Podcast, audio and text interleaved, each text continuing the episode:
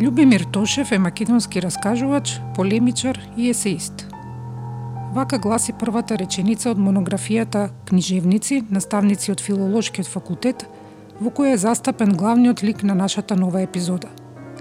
Од 1983 година па до неодамнешното пензионирање, работел како библиотекар на катедрата за македонски јазик и јужнословенски јазици. Објавил три книги проза, а познати се неговите полемизирања со македонски лингвисти и критичари, објавувани во вестникот Дело и во Нова Македонија. Сине на македонистот Крум Тошев и роднина на револуционерот Пере Тошев. Сепак, сето ова не е ни одалеку доволно да се долови ликот и делото на Гроф или маестро Љубимир, кој фала Богу е се уште подвижна, неофицијална и сочна историја на македонистиката. Со него разговараше нашиот гостин уредник, Ѓоко Здравески, поет, преведувач, некое време и самиот библиотекар на истата катедра, денес лектор по македонски јазик во Париз. Јас сум Илина Јакимовска.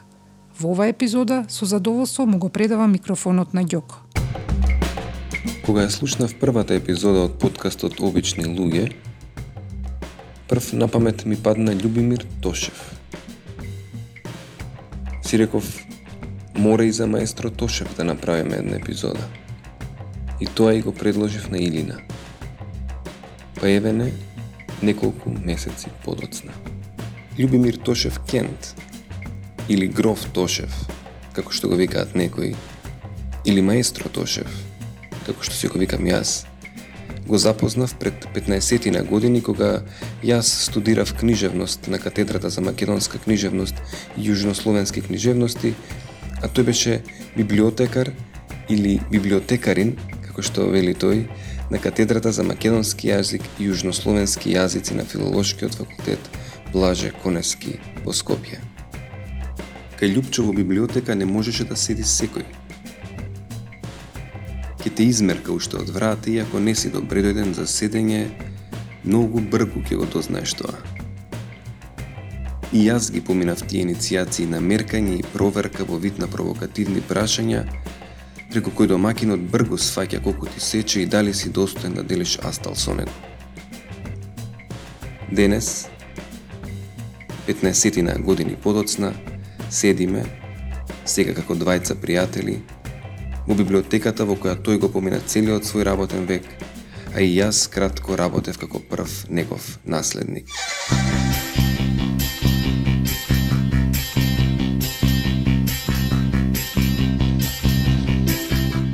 Јас сум Ѓоко Здравески, а ова епизода од подкастот Обични луѓе е посветена на Љубимир Тошев Кент, константа што еволуира – Подгответе се за политички некоректен разговор помеѓу двајца пријатели.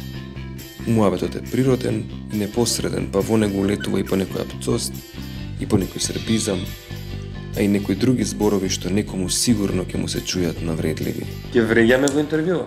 Ке вреѓаме, викам, ке пцуеме? Еше, што ќе псуеме?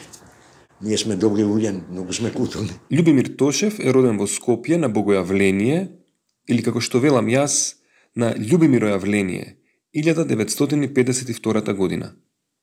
Првиот прекар му е Гајга. Првиот прекар ми е тоа изгледа како мал не сум знаел циганка, да викам сум го викал Гај.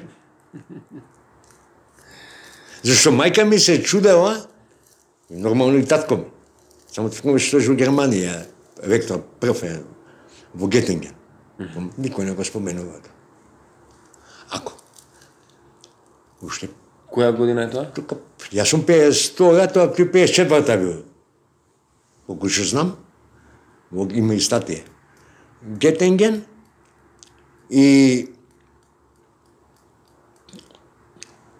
се чудеве како дете она, аз сум се годил на 5 кила сум бил. Прво делен, прво делен, ја. Карта, пичку матери. И не сум зборувал. Заби. И мислеве, и мислеве дека нешто Ти си од тие што не зборувале, а? не зборува. Нешто сум видел, ама тоа не се сеќавам да ти кажам.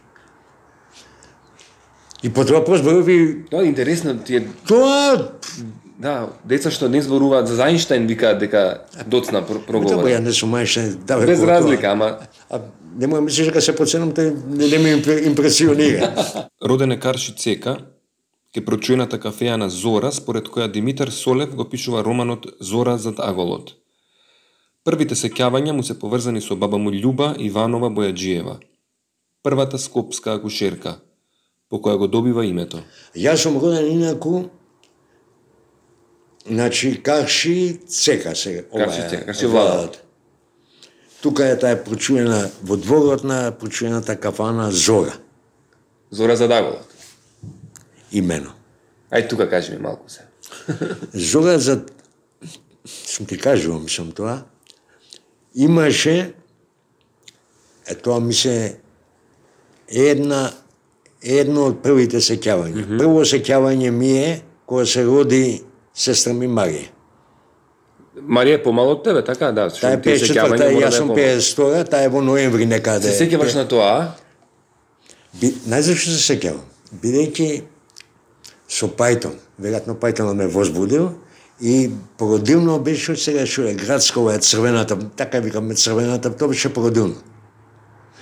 Бидејќи баба ми беше акушерка. Јас баба ми ми извадила од мајка ми и брат ми. Тогаш веќе се тресела рацете Маре кога дојде. Беше тај од 19 век жена беше акушерка инаку првата. Како се вика? Љуба Иванова Бојаджиева, Љуба Иванова Бојаджиева. Скопјанка. Кои се најстарите скопски мала, зошто е Дебар мало, селјачко мало и кој е првиот збор од тешките зборови што ги изговорил? Љуба е Панкова е таа, Панкова е таа. Позната фамилија. Тие се први шумаве, како да ти кажам, имало и куќе, така ми кажуваше таа. Сега е гран, пред Ново Мало. Mm -hmm. Добро? Имале двор со некој и некоја куќе и доаѓале албанци, албанци, бајца без тројца и после за за леп. Би парче бук, викале. Би парче бук. Две парчиња леп. Mm. Ова е пак 30 ти некаде, а? Ова е турско. Ова е турско, ова зборуваш сега за баба Баба ти, да, ти за баба ти Баба зборуваш. ми беше негде по Старотито беше. Негде 1880 да речеме. А кај има живеено во Ново Мало, тука? Тука. Мајка ми е Ново Мало, Е. Јако ново мало е Вашко мало, ама овие се први. А Дево мало е 12-та направено, тоа селјачко мало е. Затоа ти викам, многу работи се во Скопје. Ај Овие... кажи му, зборуваме ми малку за Скопје. Кој е најстаро? Тука, значи, Ново Мало е старо мало, практично.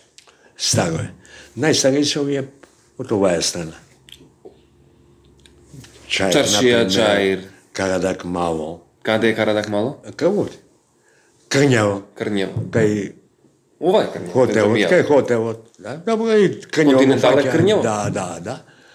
Ова маџер од другата страна, Пајко мало кај Пиринче. Тие се малат. Топан, ова циган мало што го викаат, малку знам. малку знаеш, тоа е ваму кај Беко негде треба да биде. Циган мало тоа е пак, не знам, циган мало имаше цигани, знам, ама тоа е аматерска работа. Тоа е циганите, кога се доселува и затоа го викаат циган мало. Ги бркаа по тоа циганите, по социализмот. Mm -hmm. Неколку, две-три фамилии останаа околу школата кога се Делчев. Ленин бивше. Така, така, така, така. Не, Джоко. Ти си растен кај Цек. Кај Јас Зора за Даголот, тоа реков. Е, и тука тие се ќевањата мои. Не знам дека тебе тие работи интересира. Имаше, а тие веројатно му беа деца на тој Фрањо, знам. Газат Фрањо, од баба ми, пак ти викам, тоа се се не сум зборувал, ама сум спивал. И ти викам ова не е од некој што ми го каже од после. Иначе така не да сакам да Значи зборувам. мал си, ќутиш, Да. не зборуваш, Сум се, снимал. се снимаш. Сум снимал. И а, нешто вака сум правил, бејќи децата беа слепи На овој Фрањо? на Фрањо. И си, знаеш, ти си окат и гледаш некој, немаат очи деца. И веројатно нешто, ако шеката, нешто сум, некоја гестикулација сум правил и тогаш ми остане сифилис сум го слушнал првиот збор. Сифилис прв збор. Прв збор ми е вака од овие тешкиве зборови. По мајчина страна е скопјанец, а по таткова е прилепчанец. Любомир Тошев е син на Крум Тошев, македонски славист и македонист, универзитетски професор и потомок на револуционерот Пере Тошев. По таа линија, по Скопскиот земјотрес се селат во Прилеп. По земјотресот сте преселени колку време живееш во Прилеп? Година. Ваму во куќава што ви останата, Да. сега што делевте нешто? Да, да. Таа куќа е на Наум Тошев. Кој е Наум Тошев? Татко на татко ми. Татко на татко ти. А тој Дедо на. Пере што му е? Пеге му е чичко. Не. Пере му е чичко на Наум. Но, но. Пеге немал, немал деца. Пере немал деца. Не ви блаже го пишува. Само тој е близок Ма со... Пере па млад умира Пере, колку голем е? Не е многу млад, Не е многу. 45-6. А, така. Утепане. Знам, не знам. Да Во заседа е фатен, така некако е на, на на патен. По таа една година во Прилеп, повторно се враќа во Скопје. Кажи ми сега одиш прилеп и потоа се враќаш Се враќам во Скопје. Не ви по земјотрес? се враќаш низ тоа место кај што си бевте, кај се враќате? Те- Ти си роден ваму Не, кај- уште зградата се реновираше. Ке ти кажеш, Не падна зградата? не. Со жолто беше. Аха. Жолто значеше така може да Дека се да се поправи. Да. Зелено беше непипната, црвено за рушење. Така. Прво привремено живеат во Тафталиџе, што за еден дебармалец е далечна периферија. Од Пријеп кога се вративме, види ке ти кажам што. Живеевме едно два-три месеца тоа е едни бараки. Каде? Бараки Значи сега некаде би кај каналот. Тафталиќе.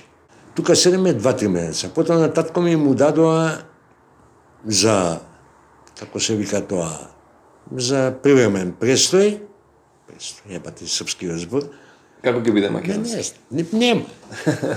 Најверојатно. И ќе го преведе би, ќе направи од кафич кафове. Да. Ајде, се заебаве. То беше убаво. Тафталиџе во тие швајцарски бараки. Или италијански, италијански. Тие постојат уште или беа привреме? А Постојат, Се ги да. изгради, бе, се сигурно. Сега се палати, сигурно. Е, таму учев во Во Песталоци. Песталоци? Бидејќи Песталоци е населен на Гоце Делчев. Ма чекај, Песталоци не е сега ваму кај што седиш зад Буњакова? Не Песталоци, Во Јана Јана Москоменски. Јана Извини Москоменски. ме, Да, да, извини да, во Јана сум Е. таму Москоменски. Зашто е, е, е како се вика овој Јано Москоменски даскалите од Гоце Делчев, А кај било Гоце Делчев? а кај Јове тука. Пред Јове кај комунистичко беше. Тука имаше школа, а? Најубавата школа Тоа Скопје. падна со земјотресот?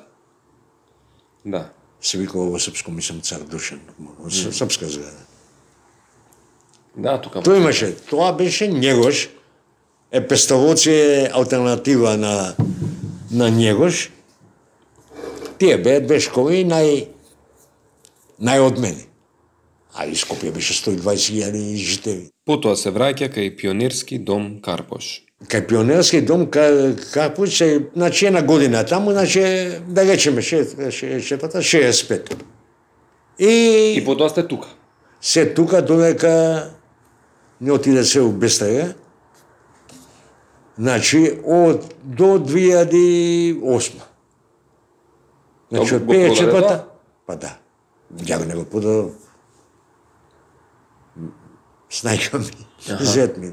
Да го подав тој, ја да ги земе парите. Ке бев на конј.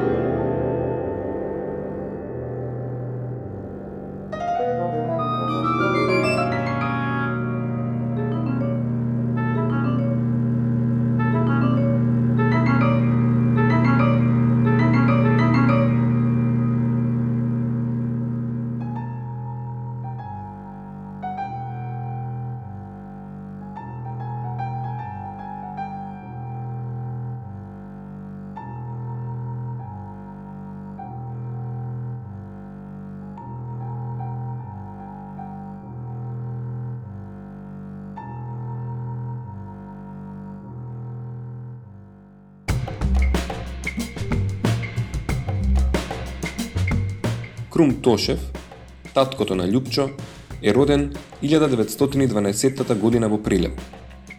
Бил член на Комисијата за кодификација на македонскиот јазик, коавтор е на првиот македонски правопис со правописен речник, човекот што во 1945 година го одржал првиот универзитетски час на обновениот филозофски факултет во Скопје. За време на Втората светска војна, заедно со Димитар Митрев, од Бугарија се враќаат во Македонија. Кој е Крум Тошев и што работи пред војната и како добил десетка кај легендарниот белградски професор Александар Белич. Пега Тошев вика дека бил бугарин, ама овде е представен за македонец, не ви така?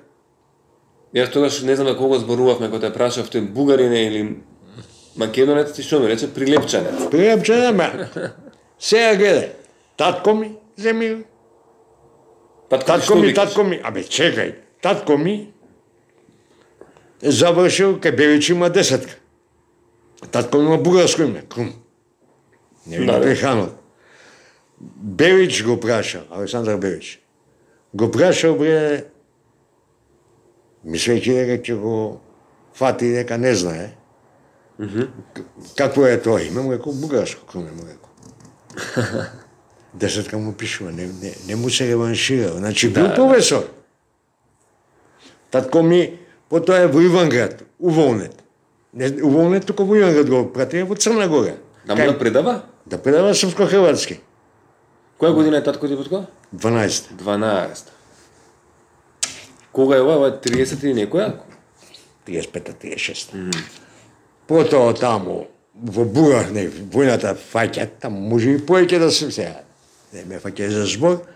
Од 41 во Струмица предава бугарски. И му се, му се скручува доста сега српско-хрватски предавам таму, сега бугарски предавам. Mm. Бугарите го избакаат во Бела Сватина, уволнет. И заедно со Митрев доаѓа 44-та во А и татко ти доаѓа со Митрев од Софија. од Софија. Тој бил во татко ти бил во кружокот во Софија? Не, Не бил со Вапцаров. Не, не, не, не, не, не, не. Татко бил во Бела Сватина, ама се запознаве заедно идеве. Знам дека куме ми кажеше кога супуваше некој магнитофон, но себе од горе почнаа да паѓаат бомби, овој супуваше Митрев. Го фрело тој магнитофонот во, во река некој, да ви во крива паланка, кој се кажат. Аме ќе дојде ни кај нас. Навака, да, да. Аха, ова прв пат го слушам за дека е. Е, па во Струмица, во Струмица, ја не сум бил, студентите, гимназистите направиле протест кога го избркале бугарите од гимназија, направиле, А зошто го избркале? бидејќи не сакал да предава на бугарски. Бугарски. Протест направиле. Како почнува професорската кариера на Крум Тошев на факултетот? Кои професори предавале на тогашниот филозофски факултет?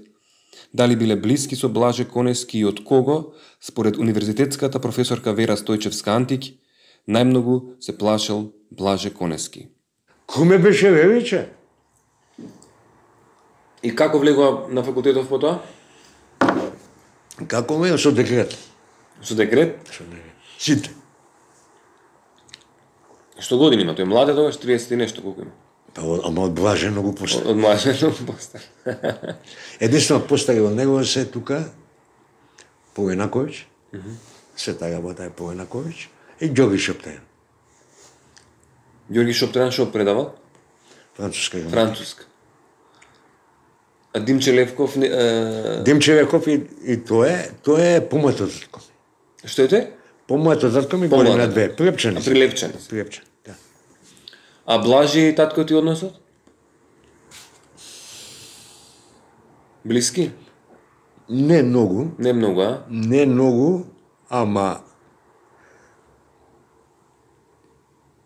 поголем екзибицион беше Блаже од Круме.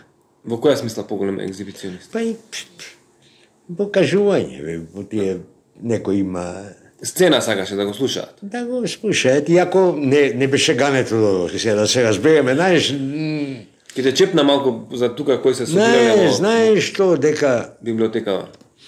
дека Куме беше бајги затворен човек. Само не многу затворен. Например, Чичко ми, Димче, беше илу пати позатворен. Не можеш ништо. Добро.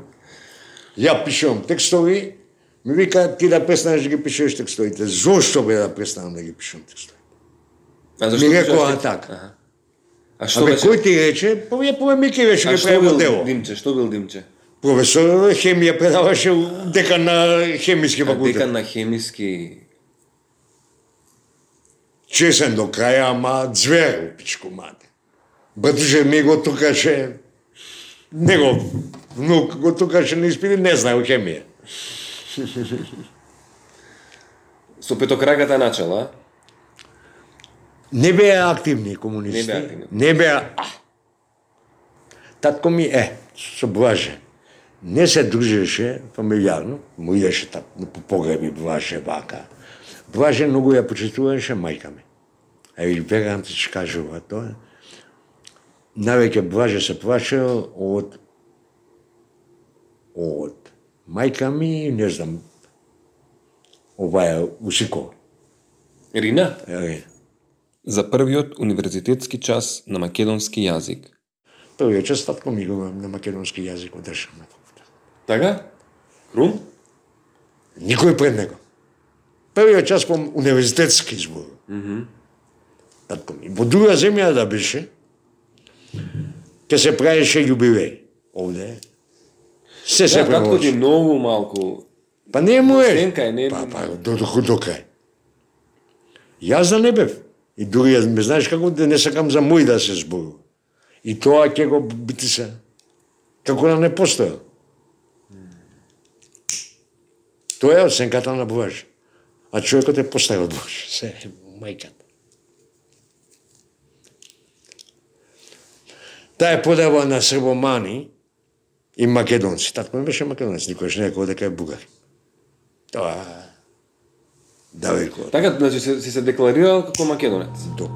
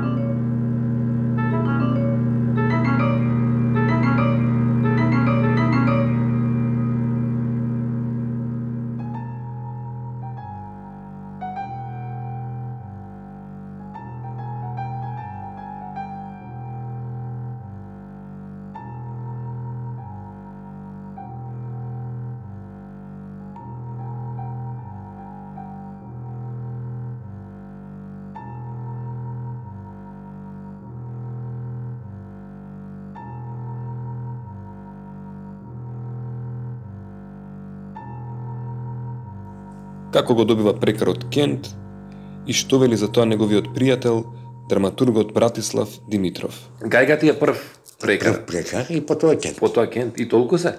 Толку се. А зошто Кент? Бидејќи единствен пишува пушев Кент. Тогаш што се пушеше? Југославија. Југославија 101, 57, те словенечките. А овие кога излегува МТ партнер тие? Подоцна И ги и тие. Драва.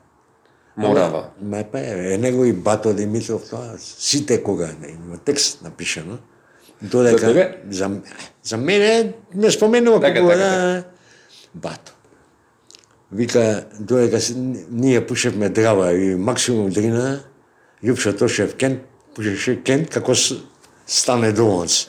Како се запознава со својата драга пријателка, професорката Лилјана Минова Ѓуркова и каква е врската на професорката Минова Ѓуркова со неговиот прекар Кент? со Рија Минова, Рија Минова, не ја не знам, не ја ни познам, кога се овде кога дојде, ја гледам пичко матер, која викам ова, пичка и материна незина.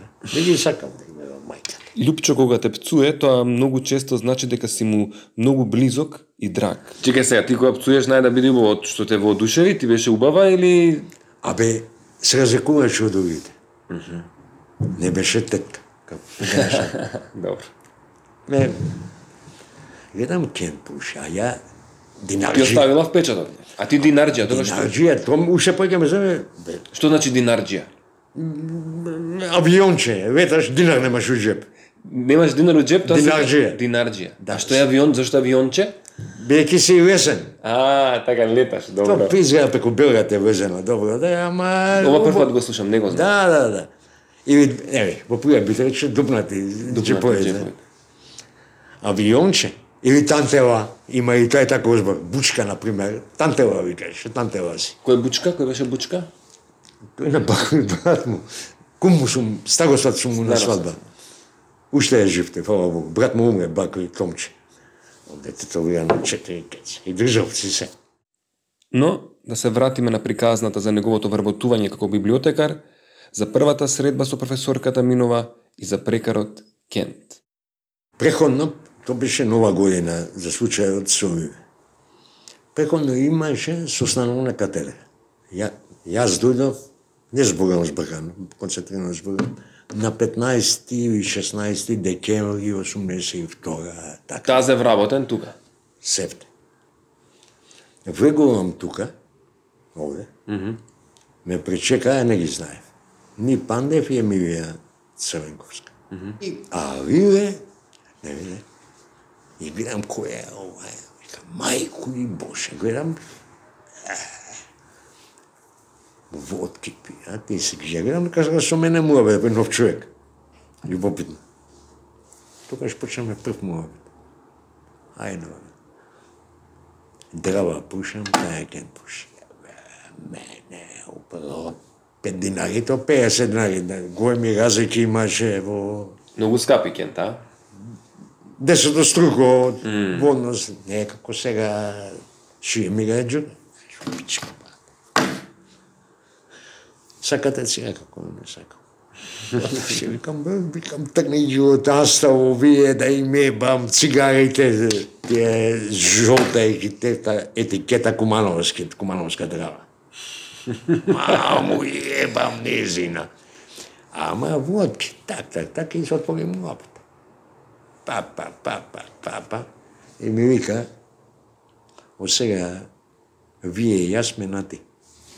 Е, тоа е, Тоа ти е драго пријателство, тоа тоа ми е една, едно од најдарите пријателства. Лилјана Минова Ѓуркова, жената што била джентлмен, ама не е лесно да го честиш Љубимир Тошев. Жената беше джентлмен, ама не било така.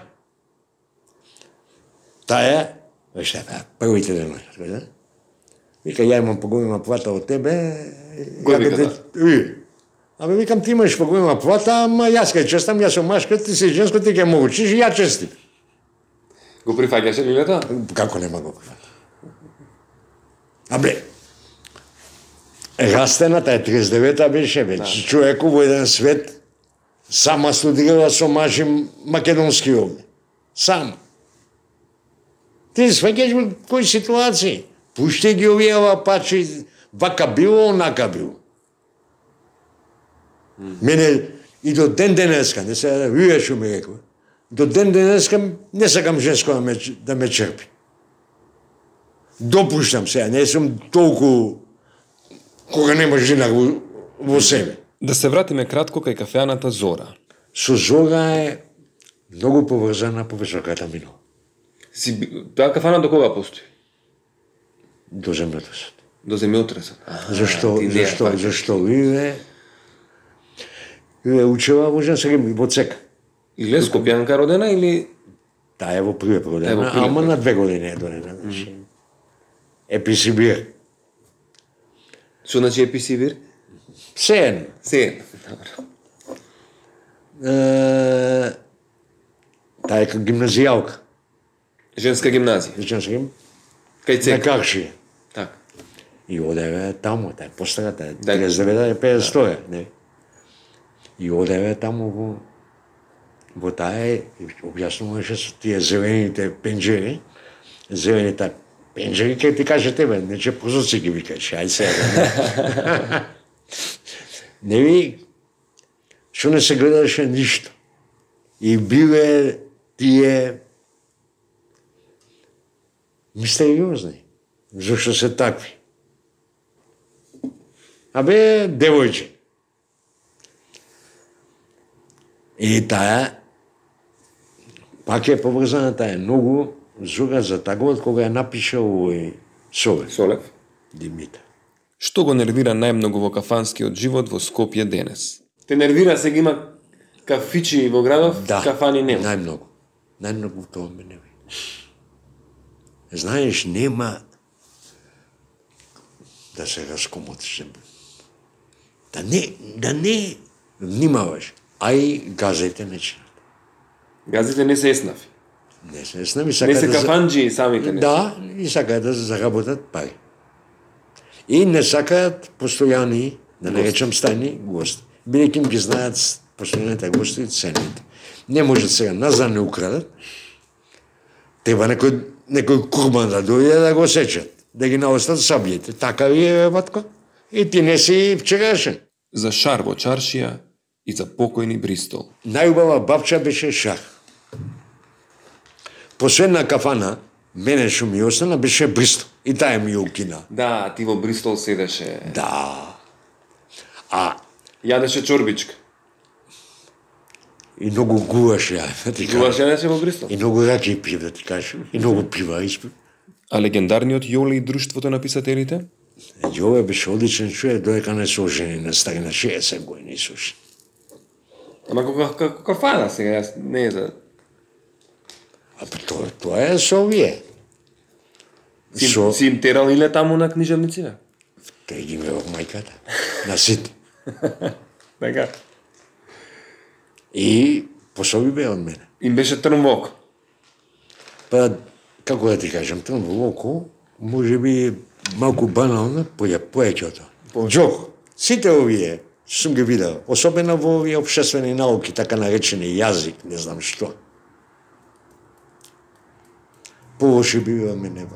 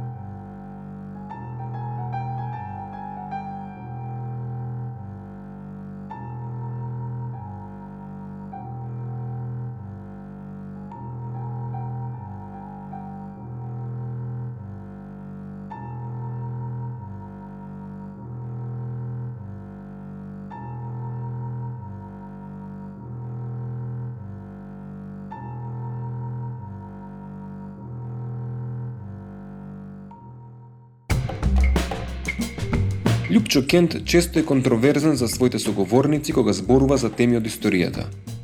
А тој тврди дека ништо не измислува, дека за се си постојат документи. Фантазијата постои, ама само во книжевноста. Ич не му е гајле нему за идеологијата во книжевноста. Многу поважна му е формата од содржината. Важно му е да му биде убаво. Знаеш и кој им го кажуваш тоа, се вадат од памет. А еве го секаде, тоа е напишено. Ја не сум го измислил, ништо не сум измислил. Ја имам фантазија, ама во раскази се употребувам. И да ми биде побав текстот, ке се заебавам. Ке ги од памет и реченици и се. Mm. Неки да у пичку матерно, мене повеќе ми интересира форматот содржината. Да, Да ми биде убаво. Ми е гајве кој идеологија, да би била фашистичка, да би била комунистичка, ме забаве Кога читаш тура. книга, тоа не гледаш, гледаш како е напишано. Апсолутно. Бе како се, крвежа ми се допаѓа и севен ми се допаѓа. А и на крвежа севен му се допаѓа. Едниот е венист, другиот е тотален фашист. И ја имам идеолошко влијание на од крвеж. Да, да, знам дека го сакаш Крлежа. Го сакам и сета историја македонска преко него ја научив. Од застава. Кои му се омилените писатели и каков бил односот помеѓу Крлежа и Андрич? Крвеже, Севин. Друго што имаш влијание? Рускиве? Рускије многу ги сакам. Андреј Беви, Борис Пилњак. Борис Пилњак има еден верно се вика. Прекрасен рассказ, мислам најубав е во сета се за мене. Сета се. Во сета се скари, тоа за мене е најубав. Верно се вика. Што станува веднаш по октомври руски. Слободна, љубов, се тоа. Каков хипи. Аха. Да. Пилњак му и на Киш омилен, тој не го зема. Жуник што правеше, режисерот. Mm -hmm. Ке ги фати кише од ученици од нив, од руската авангарда. Да, да, да. И од тој тука ги спомнува од Југословениве, исто Крлежа го спомнува. Црњански и Андрич. Тие Да, ама те, овие двајца се медиокритети. Се одвагаат на четничката власт. Андрич и Црњански? До крај е па двајцата сакале да ги нема шиптарите од Косово. Во власта се проект имаат напишано и тоа исто како меморандумов што го направи Добуца Ќосич. Уште 41 да ги нема албанците. Да се префалат во Албанија. Тоа се четнички фигури. Крилја што вика Андрич Црњански А компанија. каков им бил односот на Андрич и на Крлежа? Многу негативно. Многу негативен? Се не икеле, а? Не. Има само Андрич не реагира, Црњански реагира и од утепане од крвеж. Крвежа на поемика нема, мислам по свет нема појак. Нема. Уште малку за Крлежа, за Толстој, Гомбрович и за функцијата на книжевноста. Нема обшествена функција. Само естетска. Па, само приватно е, бе, тоа е мое, духовно е, бе, батко. И Толстој, Крвежа и Гомбрович, бе, сите најпаметни луѓе. Го велаат тоа. За мене тие се најпаметни. Не ми е Айнштейн. Јас сум од таа бранша. Да, да, да. Крвежа што вика, еве го вика, се апострофира како поет. Одакle е? Одакle е дошол? Ме разбираш? Гомовеш вика, прво вика терминот писател е неразбрив. Секој што пишува е писател. Туку како се пишува? Ме, Да, да, да. Знаеш, има тука цаки. Е, тие необичните. Кажа не е необичен. Тој е ленинист. Ама Гомович е индивидуалец тотален. И кажа, нема анархистички, ленинистички. За хероите од детството, за Гаврош и Козета в клозета и за тоа што пиел Жан Габен, францускиот актер што го играл Жан Валжан, главниот лик од клетници на Виктор Иго. Джеймс Джойс. Сега ја не знам англиски, дај Боже, ама даблинци ми се мртви ми се допадна. Знаеш, има некој жене, Гомович, Да, го Гомбрович го го се- успевам. Севин. Фран... Ти викам да бев помлад, ќе учев француски заради Севин, не за некој друг. Не, го сакам Виктор Иго. Ама нормално во дете Гаврош, Козета, Козета, тие се убави работи. Козета в клозета? Бугарите така вика. Козета в Козета.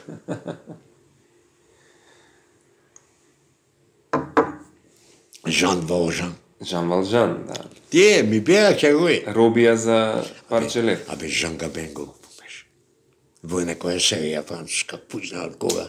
А ти знаеш, тој Жан Габен, ко- колку, е па затоа ако ме прашуваше ти за овие разговори, многу сакав, па така, го гледав тој Жан Габен, тој умрен одамна. си пуши цигара и кажува Ренуар, тој режисерот, не свика како правел тоа, ова, она. Како им ги менувал самиот глумец репликите. И вика, ке се согласи, вика, јас сум селјак, не сум од Париж, во близина, нако, ама се согласува со мене. Знаеш, си пуши, тој веројатно абсент пиеш. Маме му е. А модичен глумец. Жан Габен. И за крај, најважното кредо на Љубимир Тошев Кент. Джоко, вистината преди се. Мислам, вистината, како ја што ја чувствувам. Никогаш, батко не лажу. Освен? Знаеш, Освен полиција, војска и администрација. Ова беше само една од многуте можни средби со Љубимир Тошев Кент, единствениот анархист што го познавам, мојот омилен drunken master, човекот што во еден од своите мигови на измената состојба на свест за себе ми рече Батко, јас сум подобар и од себе.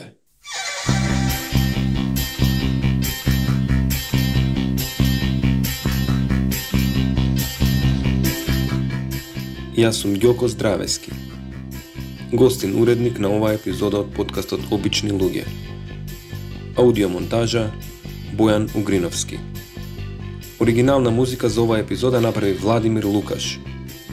За транскрипт на целото интервју и фотографии посетете ја страницата обичнилуѓе.мк.